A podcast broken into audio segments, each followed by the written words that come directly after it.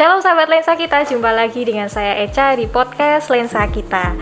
Di kesempatan kali ini, kita sudah kedatangan salah seorang bintang tamu, tentunya masih dari Jemaat GKMI Solo. Tapi beliau ini bukan jemaat biasa, karena beliau juga salah satu majelis jemaat di GKMI Solo. Langsung saja kita sambut ini dia Pak Yifta. Selamat datang Pak Yifta. Ya, halo. Terima kasih. Kabarnya gimana Pak? Wah luar biasa. Luar biasa. Sehat lah, sehat. Sehat, puji Tuhan. Nah, Agak gemukan dikit lah. oh, lah biasanya Pak Ya gemuk banget. agak dikit ya Pak kalau Dikit ini dikit ini. Oke. Apa yang penting positif terus ya Pak Positif, ya. benar. Positif sehat terus. Nah di episode ini kita mau bicara soal pekerjaan nih Pak. Nanti uh, kita mau bincang-bincang bersama dengan Pak Yuta, Ya. sharing-sharing tentang apa itu pekerjaan. Ya.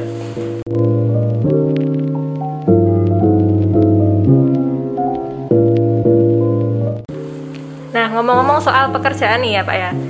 Uh, menurut Pak Yefta, arti dari kata pekerjaan itu apa Pak? Cari rezeki. Oh gitu.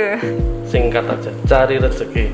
Kan pekerjaan ya. Mm-mm. Kita cari pekerjaan itu berarti kita mencari rezeki untuk kebutuhan kita sehari-hari, Mm. kebutuhan untuk keluarga kita. Mm. Apalagi kita yang sudah berkeluarga, ya tanggung jawab ya Mm-mm. untuk menghidupi anak dan istri lah. Iya. Seperti itu. Setuju, setuju Pak. Dan mungkin kalau uh, untuk orang-orang yang belum di usia pekerja Pak, Ya. pekerjaan itu mungkin uh, ada tuh anak-anak sekolah pekerjaan rumah, Oh iya ya betul. Pak. Pokoknya uh, mungkin segala sesuatu yang aktivitas manusia yang dilakukan dengan tujuan tertentu disebut dengan pekerjaan. Karena sebetulnya Tuhan juga sedang bekerja ya. Iya dong. Eh, Kita juga salah satu hasil pekerjaan Tuhan. Iya ya, benar. Jadi sebenarnya Benar. ya eh, secara manusiawi pekerjaan itu yang menghasilkan sesuatu, Menghasilkan menghasilkan sesuatu. uang dan lain sebagainya. Nah, bersih bersih itu kan pekerjaan tadi kan. oh ya benar pekerjaan bersih bersih rumah tangga. menghasilkan apa? Ya supaya Kebersihan. bersih ini Iya, ya. betul, Pak. kan. Semuanya berarti ya, ya. yang menghasilkan sesuatu itu namanya Menghasilkan itu pekerjaan. pekerjaan benar. Nah, sekarang Pak Yifta ini pekerjaannya apa, Pak? Saat ini, Mm-mm. untuk saat ini saya sebagai sales marketing. Hmm. Untuk saat ini sebagai sales marketing di salah satu distributor di Solo Hmm. di distributor bagian keramik keramik ya Oh, penjualan keramik. keramik, ya. Keramik keramik lantai atau keramik yang lantai itu, Pak? Oh. Oh, bukan keramik lantai granit gitu Oh. saya menjual itu di toko-toko Mm-mm. teruntuk ini eh, dikhususkan di area Seragen, Area- all oh, Seragen. Seragen. Iya. Oke. Jadi setiap hari saya ke Seragen Jalan-jalan. terus. Setiap Solo hari. Seragen, Solo Seragen. Solo Seragen, Solo Seragen Oh, terus. Nah, kalau sebelumnya Pak, eh, proses perjalanan istilahnya eh, riwayat pekerjaannya Pak Yifta selama sebelum menjadi sales marketing sampai sekarang pekerjaannya Apa saja sekarang. gitu ya? Mm. Mungkin kalau kita apa bicara dengan eh, berbicara tentang sales marketing Mm-mm. itu pekerjaan saya sekarang, kan? Nah, dulunya saya bagaimana itu mungkin dari awal dulu aja ya. Boleh, Jadi boleh, boleh. biar lebih enak kita kan ngobrolnya nanti lebih enak. Siap. Eh, di 2010 itu saya lulus kuliah. Mm-mm. Setelah lulus kuliah, saya cari pekerjaan tuh Mm. Eh, selama selama tiga bulan nganggur. Mm. Setelah kuliah tuh nganggur, cari pekerjaan. Bentar Pak, kuliahnya dulu apa Pak? Oh saya di ini Akademi Teknik Warga di Indanyung, Oh, teknik apa? teknik mesin. Teknik mesin. Nggak ngambil teknik anu ya, nggak mau Nah, mesin kok ya. jadi marketing Pak? Lah iya itu kan. Nah, nanti kita bahas Oh nih. ya, ada perjalanannya. Ada perjalanannya Lanjut dulu, lanjut jadi dulu. ada perjalanannya 2000 2010 saya lulus kuliah Hmm. tiga bulan saya nganggur tapi selama tiga bulan itu saya cari pekerjaan Hmm. Saya cari pekerjaan. Akhirnya saya keterima nih keterima di salah satu pabrik tekstil di Solo. Hmm. di Solo Raya lah di Kebak Keramat. Saya langsung jadi staf gudang spare part. Jadi belum nyimpang ya Hmm, karena spare part. Ya, jadi belum nyimpang. jalur. selama enam bulan dan selama enam bulan itu saya dilema mbak Eca. Hmm, kenapa Pak? dilemanya saya bisa bekerja lebih dari ini. Oh, gitu ya. Nah kebetulan saya juga punya sahabat di, di kuliah itu. Eh, saya ditelepon sahabat saya nih. Bro mau nggak ini kita kerja di luar pulau? Gitu kan. oh. Di di luar pulau di Kalimantan. Oh ya mau no. Kalau kita gambarannya kita pergi di luar pulau berarti kita menggambarkan uang yang banyak. Cuan gitu kan. Iya iya, benar-benar cuan apalagi di Kalimantan. Apalagi di Kalimantan. Saya tanya pekerjaannya apa? Jadi mekanik di batu bara pertambangan batu bara. Oke lah dari situ saya bertemu dengan teman saya ini. Eh, akhirnya kita memutuskan untuk pergi ke Balikpapan. Hmm. nah dari situ udah keterima kerja di situ eh, jadi mekanik alat berat kita sudah dikasih buku shop manualnya jadi kita pelajari sendiri. Pelajari sendiri terus akhirnya ya kerja berjalan sesuai yang diharapkan lah. Tetapi satu tahun setelah itu eh, saya resign. Sama teman saya ini saya resign. Lanjut. Jadi saya resign ini karena ada beberapa yang kebijakan dari perusahaan yang saya dan teman saya tidak cocok gitu kan. Terutama untuk salary. hmm. Jadi harusnya kan per tahun itu kan naik naik naik gaji ya. Ya yang lain naik kita saya sama teman saya nggak naik. Oh. Saya kecewa waktu itu masih muda kecewa saya masih punya, eh, saya sudah punya pengalaman di dunia tambang itu kan. Singkat cerita itu kita sudah resign pulang di rumah nggak punya pekerjaan lagi mbak. Nganggur berarti oh nekat berarti ya. Wes randidit wes yo wes tapi waktu itu saya masih bujang. Jadi ya nggak masalah gitu kan. tanggungannya belum ada. Tanggungannya belum ada. Oke nggak masalah. Waktu itu saya nganggur. Selama nganggur ini saya tetap cari pekerjaan lagi. Hmm. lewat email. Akhirnya tiga bulan lagi setelah itu saya ditelepon dari Surabaya. "Eh, ini na- namanya Pak Yifta ya besok bisa nggak ke Surabaya untuk tes? Wah tes apa lagi nih gitu tes apa ya Pak? Gitu. ini di KPC waktu itu kan namanya KPC Kaltim Primakot Eh, untuk Dharma Henwa di Kalimantan. Jadi apa Pak? Sama gitu.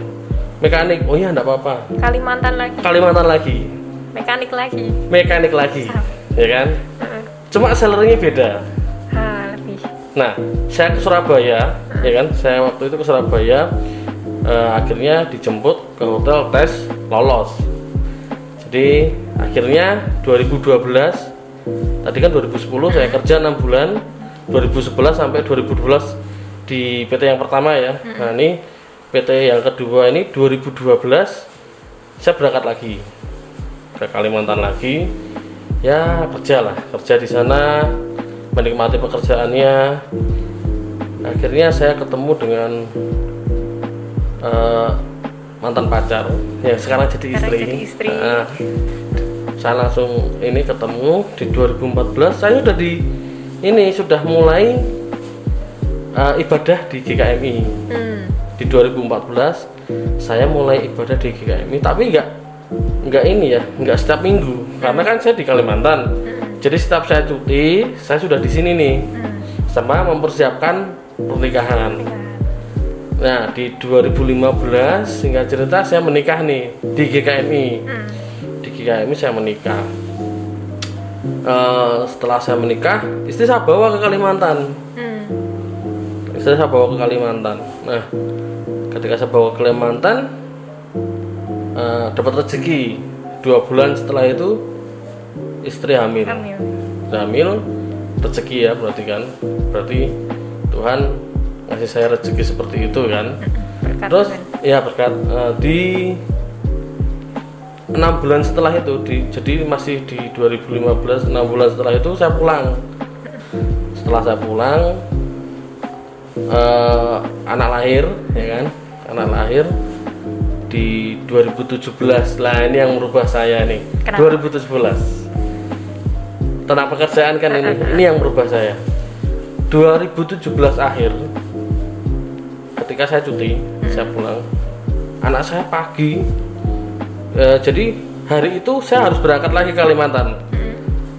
Sekitar November 2017 hari itu saya harus berangkat lagi ke Kalimantan. Pagi itu enggak masalah. Eh, si Grace ini kan anak saya yang pertama namanya Grace. Si Grace ini tahu-tahu jam satu tuh muntah-muntah Mbak. muntah-muntah. Terus lu ini ona apa gitu? Meh mangkat tak tinggal ke malah kau ini kan jadi pikiran saya. Nah saya berpikir wah pos saya ini ya pos saya pamitan aja ya gitu. Hmm. jadi pergumulan untuk resign dari Kalimantan terus akhirnya menetap ke Solo itu kita sudah bergumul nih saya sama istri sudah bergumul sudah membicarakan ini kan membicarakan ini sama keluarga besar juga juga harus saya bicarakan kan karena ini keputusan yang berat ya bagi saya ya. Kenapa berat? Ya banyak orang ya banyak orang yang ketika bekerja di tambang batu bara itu impian bener kan Iya. ya kan? Ketika kerja di tambang batu bara itu impian. Saya yang sudah jadi pege- pegawai tetap dan akan dipromosikan Mm. itu kok saya malah melepas gitu. Mm-mm. sebelum saya resign pun istri saya bilang gini "Eh, hidupmu berapa kali sih bilang gitu Mm. dan langsung dek sama hati saya tuh dek tuh. hidupmu berapa kali dua kali tiga kali nggak ada semua manusia di bumi ini hanya satu kali Mm. pertumbuhan anak itu satu kali Satu kali. nggak ada dua kali ya Betul betul betul. nah jadi kamu mau melepaskan itu ya monggo tapi buktinya bapakmu aja anaknya lima bisa sekolah semua Mm. bisa ini semuanya kerjanya di Solo loh gitu Mm. ya kan berarti kalau kamu resign terus kamu memilih untuk bertemu dengan keluarga terus tiap hari kita ketemu ah, kamu tuh cinta nggak sama kita gitu kalau cinta ya resign aja gitu. Karena yang tadi hidup kita nggak dua kali tiga kali Momennya itu ya. Momennya itu nggak ada lagi Ya, diulang lagi nggak ada ya. nggak bisa diulang Iya. lagi Setuju. ya kan nggak bisa diulang lagi jadi saya se- sebelum itu saya udah bilang lagi sama istri ya tapi kamu tahu resikonya loh Mm. saya bilang gitu tapi kamu harus tahu resikonya yang biasanya anak kamu mau makan es krim kamu nyah nyah nyah nyah Langsung beli lah. ini langsung beli gitu sekarang belum tentu bisa loh Ah. udah apa apa udah masalah semuanya bisa di ini bisa dilewati Hmm. semuanya bisa dijalani lebih tepatnya dijalani Iya betul betul. yang penting kamu pulang Mm. oke kalau kamu sudah mau kalau kamu sudah resikonya sudah tahu ya udah saya pulang jadi 2017 tadi eh, saya eh, masih tiga bulan lagi di tepatnya di 2018 waktu mau cuti lagi. Itu saya pamitan pamitan ya seperti biasa lah orang kalau sudah di situ lama. Berarti saya dari 2012 sampai 2018 kan lama. Ibaratnya digendoli sama perusahaan tuh pasti ya. Mm. teman-teman gondeli semua. Ngopo meh kerja apa di sana gitu. Ya udah akhirnya saya pulang. Nah saya pulang ini keadaan saya nganggur berarti Mm-mm. tapi saya masih ada tabungan sedikit Mm. ya kan waktu itu masih rame grab mobil tuh gokar Mm. saya nekat Daftar ya pak. ya sebelum daftar kan saya beli dulu mobilnya Oh iya. ya kan Oh iya. Wong saya belum punya mobil saya beli mobilnya dengan cara mencicil kan Mm. pakai uang tabungan terakhir saya Mm. ya kan tabungan terakhir maksudnya saya ada sedikit dikasih dari perusahaan ibaratnya kayak tanda kasih gitu loh. Pesangon. ya kalau pesangon enggak kalau pesangon kita ada hitung hitungannya Oh. ya kan ada hitung hitungannya ini karena kita sudah lebih dari lima tahun ya ada hitungannya tapi sedikit nggak Oh. banyak. Kalau pesangon kan pasti ratusan ya ratusan. Yang ini enggak sedikit aja. Tapi cukup untuk DP akhirnya saya beli nih nekat beli mobil dengan cara mencicil nah nah ini kehidupan saya jadi beda lagi nih Nah. yang saya biasanya setiap hari bertemu dengan oli setiap hari bertemu dengan kunci. Nah ini saya bertemu dengan pekerjaan yang beda. Pekerjaan ini yang ternyata saya itu berubah drastis. Karena ketemunya dengan orang pak? Ah, ah, ketemunya dengan orang ya kan? Bukan dengan apa ya bukan dengan mesin ya. Alat-alat ya. ya bukan dengan alat dengan mesin gitu ketemunya dengan orang dan saya harus membaca karakter banyak orang. Hmm. ya kan? Ya ya dan itu bisa saya praktekin dari eh, saya praktekkan di pekerjaan saya sekarang. Karena saya sekarang kan bekerja jadi sales marketing tuh. Ketemu orang ketemu banyak. orang dan harus membaca karakter Baca, ya kan? bener, bener. karakter toko ini seperti Nah. apa seperti apa gitu kan? Eh, saya kerja di ah bukan saya kerja di ini ya apa? Jadi grab itu ya jadi gokar itu di 2018 awalnya berjalan dengan lancar. Hmm, bonus masuk banyak. Hmm, pekerjaan mungkin ya untuk di Solo loh ya saya katakan dulu untuk di Solo saya bisa satu hari itu bersih. Hmm. dari bonus sampai dari bonus sampai apa? Penghasilan itu saya bisa 600 satu hari? Satu hari. Satu hari itu. Berarti kan banyak ya? Iya. Untuk mencicil ini sudah mencicil mobil ini sudah aman. sudah waktu itu banyak yang daftar hmm, ya kan? Banyak yang daftar kuotanya semakin banyak saingannya makin persaingannya semakin banyak. Di 2009 eh, 2018 ini berjalan dengan lancar. Hmm. di 2019 ini yang ternyata bonus itu dikurangi. Oh. Mengubah segalanya. Jadi saya di 2019 ini banyak yang harus saya bayar Hmm. maksudnya itu ada pengalaman-pengalaman yang harus saya bayar salah satunya kehilangan mobil Hmm. mata pencarian saya satu-satunya jadi di dua- 2019 saya itu eh, kehilangan mobil karena bonusnya sudah gak ada Hmm. Jadi bonus dari kita gokar kita ngegrab itu sudah gak ada otomatis penghasilan saya semakin kecil kan. Otomatis penghasilan saya semakin kecil. Dan itu membuat saya tidak bisa untuk nyicil. Nyicil unit ini. mo- mobilnya mobil ya? ini. Akhirnya mobil ini saya lepas. Hmm. saya lepas saya kembalikan. Nah di 2019 ini yang bikin saya beda. Kenapa? saya sudah gak ada lagi nih mobil sudah gak kerja nih Ya. sudah gak kerja di Kalimantan. Terus habis itu mobil sudah mobil sudah hilang nih. hilang lagi. Sudah sudah kembali. ditarik lah ya di uang kembali. Saya bingung mbak Eca mau kerja apa saya bingung. Hmm. saya bingung waktu itu. Saya kerja apa bingung. Akhirnya saya kan masih ada uang sedikit ya. Ada uang sedikit. Waktu itu kan nggak bisa daftar grab tuh Eh, motor motor gojek gojek. dan ojek online itu kan nggak bisa daftar waktu itu. Jalan satu-satunya saya beli akun joki gitu ya. Jadi sebenarnya mbak Eca punya punya akun eh, gojek gitu ya. Saya beli akunnya. Oh oh ya biar saya tahu, bisa tahu. cari uang dari, gitu kan. jadi drivernya Nah, saya ngojek loh, dari mobil nih dari mobil ke nggak motor. kepanasan jadi sampai motor gitu ya sampai motor tapi harus saya jalani karena apa? Eh, life must go on ya. Maksudnya hidup harus berjalan gitu ya. Anak saya nggak mungkin ketika dia minta makan pak gitu. Nggak tak kasih apa-apa nggak mungkin. Hmm. makanya arti pekerjaan itu kan tadi cari rezeki gitu ya cari rezeki. Jadi saya ngojek wah buahnya yang ngolok-ngolok mbak. Apalagi tetangga ya. Dan saya masa bodoh orangnya saya orangnya cuek. Selagi saya yang melakukan yang saya lakukan itu benar ya. Tidak menyimpang. Ya bagus pak. Se- kata tetangga lu. Tutup kuping iya, aja, iya benar. Iya benar tuh pokoknya. Tetangga itu kan pasti wah, waktu debt collector tuh datang ke rumah saya loh. Oh. I- iya tetangga tuh kayak lo ini ini ini ini gitu kan. Ya ya betul. Dan saya masa bodoh. Karena apa? Satu prinsip saya itu mobil mobil saya.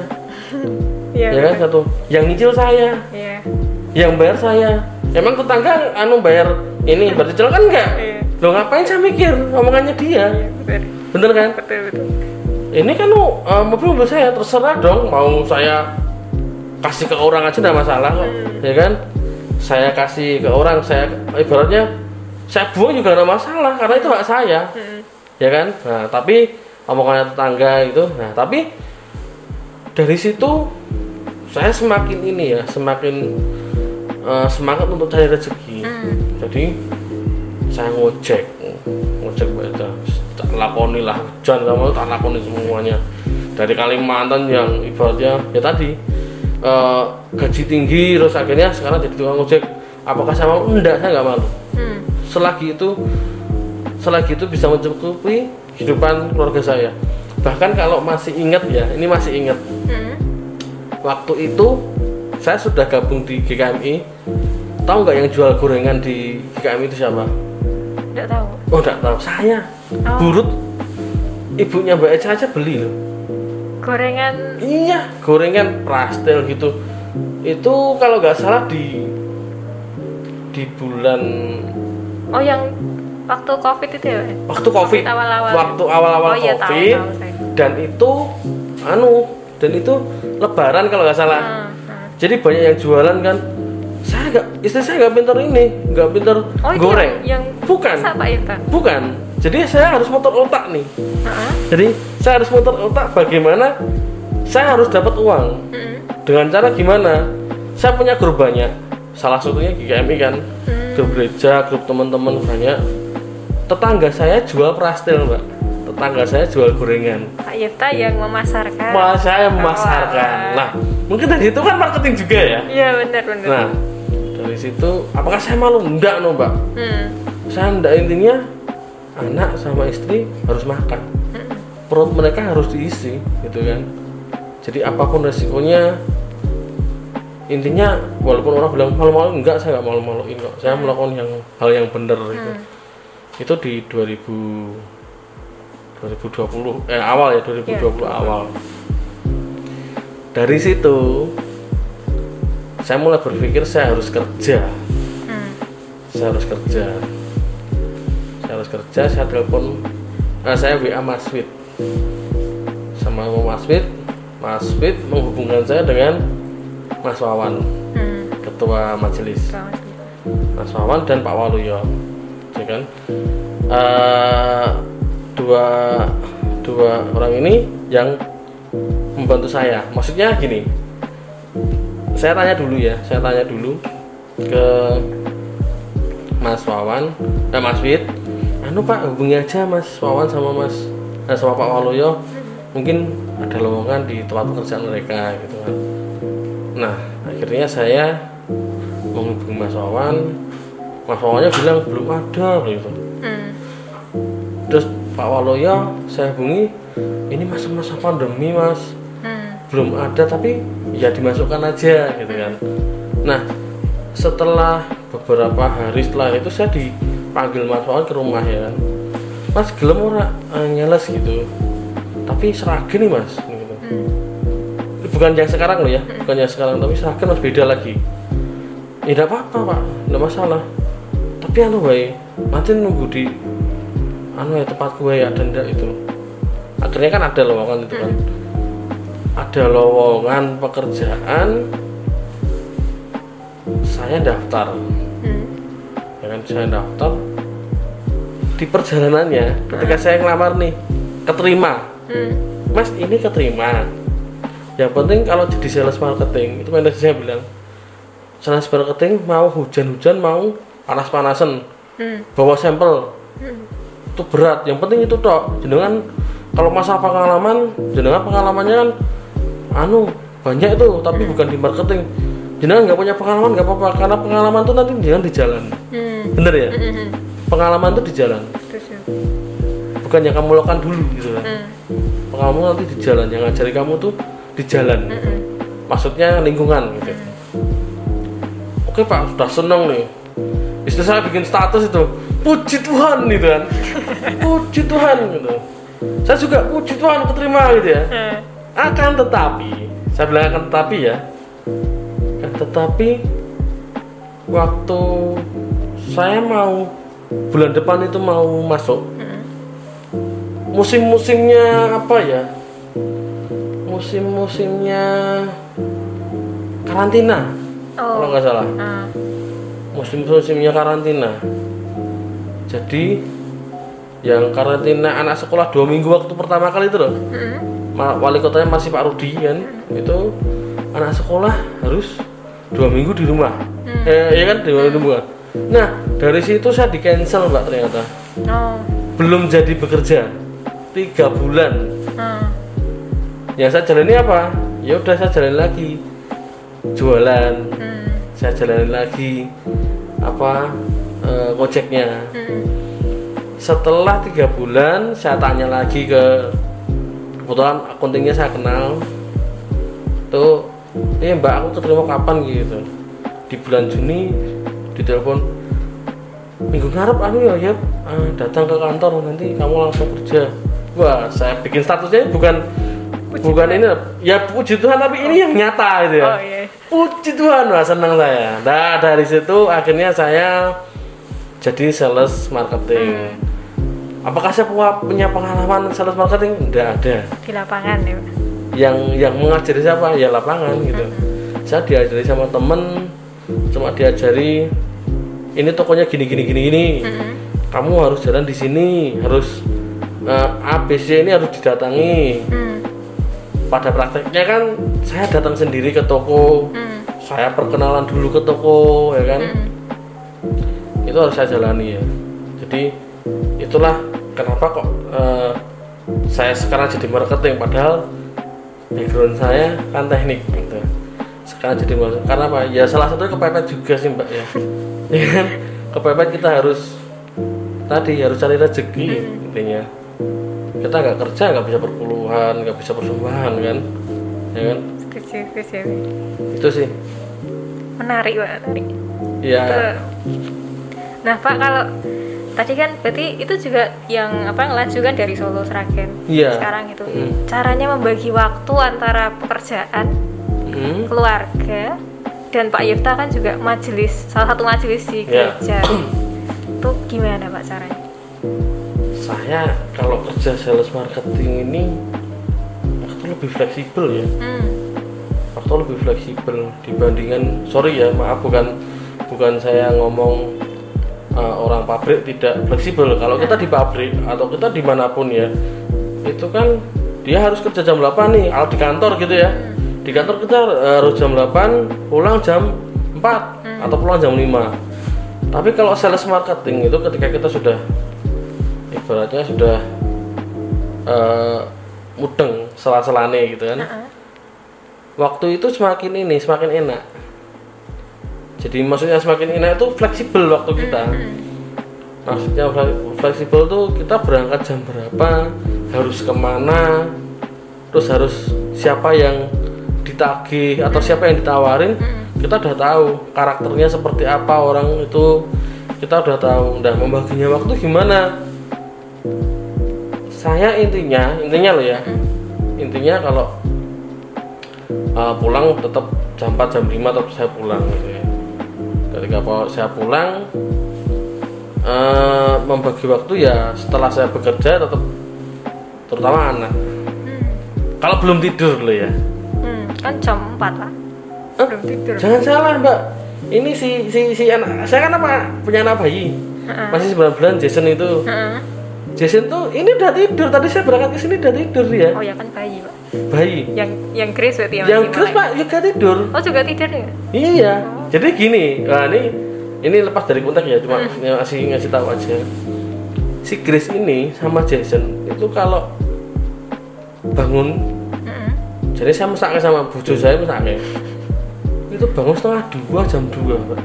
Oh, bangun, heeh. bangunnya kadang jam satu Jam 1 malam, pagi. pagi, Pagi itu itu ya? mereka udah bangun, dan ketika bangun itu bukan ngantuk, wah kayak dicas gitu loh, Hmm. melek itu loh. Jadi kayak dicas jadi dia wes uh, ngomong si istri saya tuh kalau saya tidur ya kalau saya tidur karena saya harus kerja. Iya betul ya. harus kerja. Ya kadang-kadang kalau uh, setengah jam gitu kayak tadi malam gitu jam 3 itu kan saya dibangunin buat Gantian. susu gantian dulu. Istri saya nggak tidur istri saya nyuci Hmm. jam 3 jadi saya kadang-kadang saya lihat itu wah wah ya luar biasa itu ya Wah, beruntung aku dapat dia oh dia juga beruntung dapat saya deh. Iya iya iya. Iya deh Pak. Oke, Ah, membaginya waktu mungkin saya seperti itu. Jadi setelah pulang pulang dari pekerjaan saya langsung ke anak. Hmm. Langsung ke- intinya kalau tidak tidur itu aja. Kadang-kadang saya pulang siang juga bisa. Hmm. Tapi dengan catatan pekerjaan saya sudah selesai. Siangnya nggak siang banget ya maksudnya jam 4 itu masih siang ya. Sore, ya sore lah ya. Jadi kadang saya jam 4 masih ada waktu saya bisa pulang saya pulang. Jadi waktu itu fleksibel. Terus menjadi majelis eh, majelis menjadi majelis saat ini ya. Pak saat Yufta di bagian apa Pak? saya PWG PWG. Pembinaan warga gereja ini banyak yang harus saya bina nanti ya Makin pusing ya. Ah, ya, tapi gini ya. eh, menjadi majelis. Saya mau cerita boleh ya sedikit. Boleh. Sedikit atau Ini, banyak? ini tempat bercerita, Pak. Mau bercerita ya. Iya. Mungkin banyak ini, mungkin banyak sahabat lensa kita, terutama untuk GKMI yang pasti belum kenal saya. Nah, kok ujuk-ujuk iki sopo wong lemu nang ngarepan ngene-ngene iki sopo gitu ya. Bener nggak? Bagian lemunya enggak saya bagian, ngomong. ba- bagian lemunya agak itu ya jadi banyak yang mungkin terutama untuk warga gereja yang lama Hmm. mungkin banyak nggak kenal saya apalagi sekarang pandemi Hmm. via online ya Hmm. apanya eh, eh, ibadahnya secara online dan sudah tidak bergereja lagi Hmm. Nontonnya cuma streaming di rumah itu pasti banyak yang tidak kenal saya. Jadi cerita sedikit nama saya Yefta Yefta di Junia Sugianto. Saya mengenali lagi ya kan? Nama saya Yefta di Junia Sugianto. Saya bergereja di GKMI itu secara resmi itu di 2015 secara resmi loh ya. Ketika saya memperistri istri saya. Ketika saya menikah. Setelah itu kan saya resmi jadi GKMI nah ada cerita menarik. Ya cerita lagi ya? Lagi, cerita lagi. menarik. Eh, cerita menariknya begini. Waktu pemilihan majelis. Heeh. itu saya masih ngojek itu. Saya masih ingat banget. Itu masih ngojek dan kebetulan saya ada orderan. Ditelepon sama pendeta. Nah. setahu saya minggu kemarin. Jadi katakanlah minggu kemarin gitu ya. Minggu kemarin itu kita ada pemilihan ini angket kan. Kalau setiap pemilihan majelis itu ada angketnya kan. Angketnya. Nah di hari lupa saya hari Rabu atau Kamis ditelepon biro tua. Selamat siang Pak Yufta. Ya ya Bu. Kok tuh bisa ditelepon? Itu kan nggak nggak biasa ya. Panik dah, Pak. panik tuh. Ini pertanyaan wah ada something ini ada apa ini ya kan? Ada apa nih? Saya ditelepon sama buru tua Mbak Pendeta "Eh, Pak Yufta ternyata Pak eh, Pak Yufta ini terpilih sebagai kandidat majelis. Kaget gak itu? Kaget loh saya? Kaget, kagetnya kayak gimana, Pak? wow gitu kan. Kok iso gitu loh? Saya milih aku sopo gitu? Tapi kembali lagi ya apa tentang melayani itu Hmm. kalau majelis itu ya maksudnya melayani itu nggak mikir kowe kudu apal ayat dari kejadian sampai wahyu bener ya? Hmm. Iya, betul. melayani itu ya ya selama kamu bisa melayani ya melayani aja gitu. Hmm.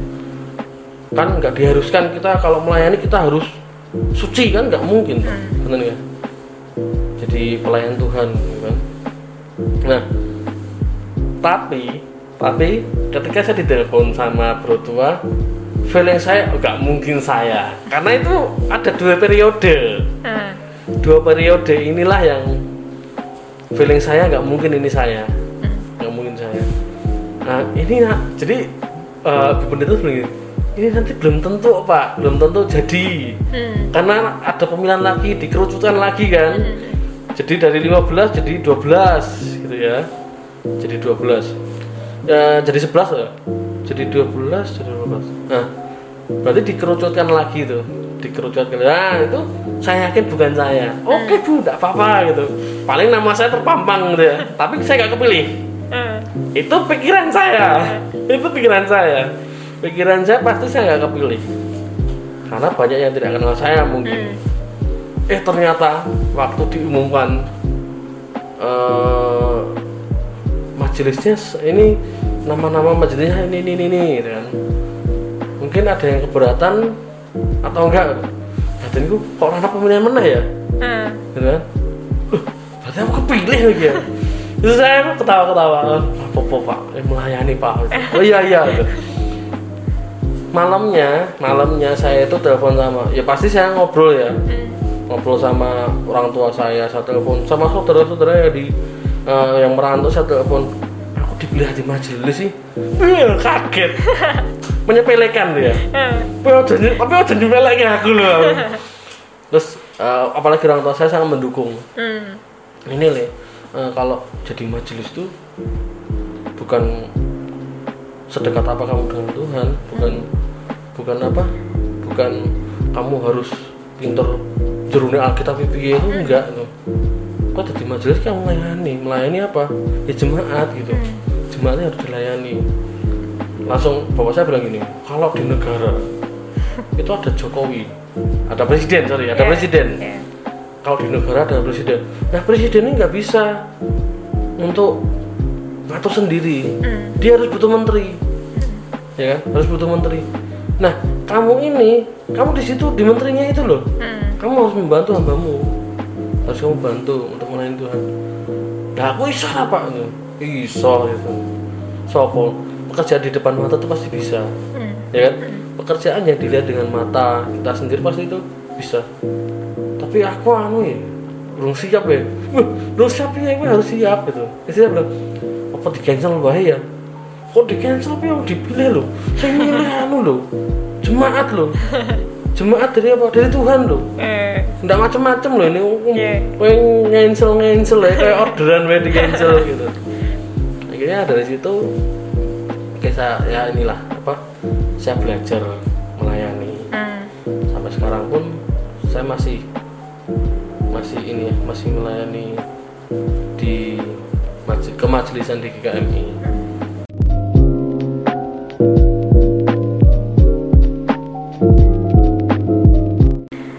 Ayat Alkitab yang mendasari episode kita kali ini ya Pak tentang pekerjaan itu ada di Titus 3 ayat 14 akan saya bacakan. Dan biarlah orang-orang kita juga belajar melakukan pekerjaan yang baik untuk dapat memenuhi keperluan hidup yang pokok supaya hidup mereka jangan tidak berbuah. Tanggapan hatinya Pak Yefta tentang ayat ini apa Pak? dari ayat ini kalau tanggapan saya mengenai ayat ini mungkin dari awal tadi sudah saya bahas bahwa orang hidup itu harus kerja terutama yang untuk ini ya untuk kita yang sudah berkewajiban bekerja ya. Kalau anak-anak kan nggak mungkin. Supaya apa? Di ayat ini kan tertera supaya hidup mereka jangan tidak berbuah. Hmm. berbuah ini apa ya? Rezeki toh buah itu. Kalau kita bekerja kan hasil kita kan rezeki. Untuk apa? Ya untuk anak-anak kita untuk keluarga kita. Jadi seperti itu. Berbuah itu juga tidak melulu soal materi ya Pak. tidak melulu soal materi. Juga relasi dengan orang Nah. lain. Nah, pertanyaan pamungkas Pak. ya Kita kan ngobrol soal pekerjaan. Hmm. Pekerjaan yang berbuahnya itu nggak cuma materi, tapi juga Nah. relasi dan lain-lain itu tadi. Sebagai seorang Kristen, anak-anak Allah, mengapa kok kita itu eh, penting untuk memiliki pekerjaan seperti yang dikatakan di ayat 14 ini, Pak? seberapa penting pekerjaan jadi pekerjaan itu sangat penting ya bagi bagi khususnya bagi kita orang Kristen. Kenapa kok sangat penting? Kita kan di gereja kan juga persembahan. Hmm, ya kan persembahan juga tiap minggu ya, tiap minggu. Kan dihasilkan dari apa? Dari pekerja kan. Iya. terus kita harus mencukupi tadi yang kita panjang lebar ngomong tentang menghidupi keluarga itu kan. Semua dihasilkan dari pekerjaan, Pekerjaan. dan saya rasa juga bukan hanya pekerjaan usaha itu juga bentuk pekerjaan.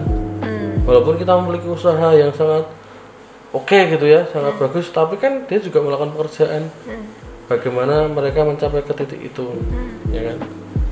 Jadi sangat penting. Sangat penting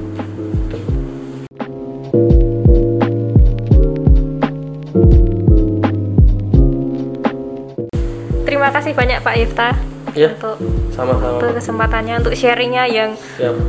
Wah saya jadi lebih mengenal Pak Yifta yang wah sebelumnya. ya saya- sebelumnya nggak mengenal sekarang nggak mengerti. Oh iya. Jangan jangan yang sampai sebelumnya mungkin belum kenal siapa Belum kenal, saya itu sudah tahu lah sedikit ya. Sedikit. Tapi ini panjang loh pak tadi. Iya panjang. Proses itu malah jadi proses hidup Pak Ifta juga Iya, salah satunya. salah satunya bener proses hidup Nah, terima kasih banyak Pak sudah Oh, mau udah, sharing mau di ya? sini di meja ya. udah mau selesai Mau lanjut tak? ya enggak sih Sudah Next episode ya. next episode Tema-tema lain ya Pak. jilid kedua Oh jilid kedua. Oke ini hashtag jilid satu. Wah. Hashtag jilid satu oke oke Gimana Pak perasaannya eh, ikut terlibat sekarang di podcast lensa kita? seneng pasti Hmm. kedua deg-degan ya kan deg-degan pasti takutmu nanti nek jawaban nek keliru atau apa Hmm. ya, pasti ya tapi yang pasti saya, saya bersyukur bisa diundang di podcast lensa kita ini karena saya juga salah satu penggemarnya Wah, sahabat lensa kita ya Pak? Oh iya no. Oke. Loh, saya kalau podcast tuh kan Heeh. banyak yang saya sukai kayak Deddy Kobuser. Oh. Itu kan banyak ya. Sekarang ini kan zamannya podcast. Iya betul. GKMI punya podcast berarti GKMI itu selangkah lebih maju Wis. dibandingkan yang lain, ya kan? Mengikuti zaman, Oke. ya kan? Apalagi yang terlibat ini anak-anak muda. Wis. ya. Jadi saya sangat bersyukur bisa diundang sini. Ya kapan-kapan lagi lah dengan tema apa gitu. Oh, Oke iya. lah. oh siap ya Pak. Catat. Siap. Catatan. Siap. Terima kasih juga untuk sahabat lensa kita yang sudah setia menonton maupun mendengarkan dari awal sampai akhir. Tetap ikuti terus podcast lensa kita yang akan tayang dua minggu sekali di YouTube dan juga Spotify GKMI Solo. Dan jangan lupa karena corona masih belum usai, pandemi masih belum usai, kita harus tetap uh, menjaga kesehatan, menjaga protokol kesehatan juga yang dianjurkan oleh pemerintah, selalu pakai masker untuk uh, bepergian keluar dan juga selalu menjaga jarak dan menjaga kebersihan dan kesehatan diri. Terima kasih, sampai jumpa dan Tuhan Yesus memberkati.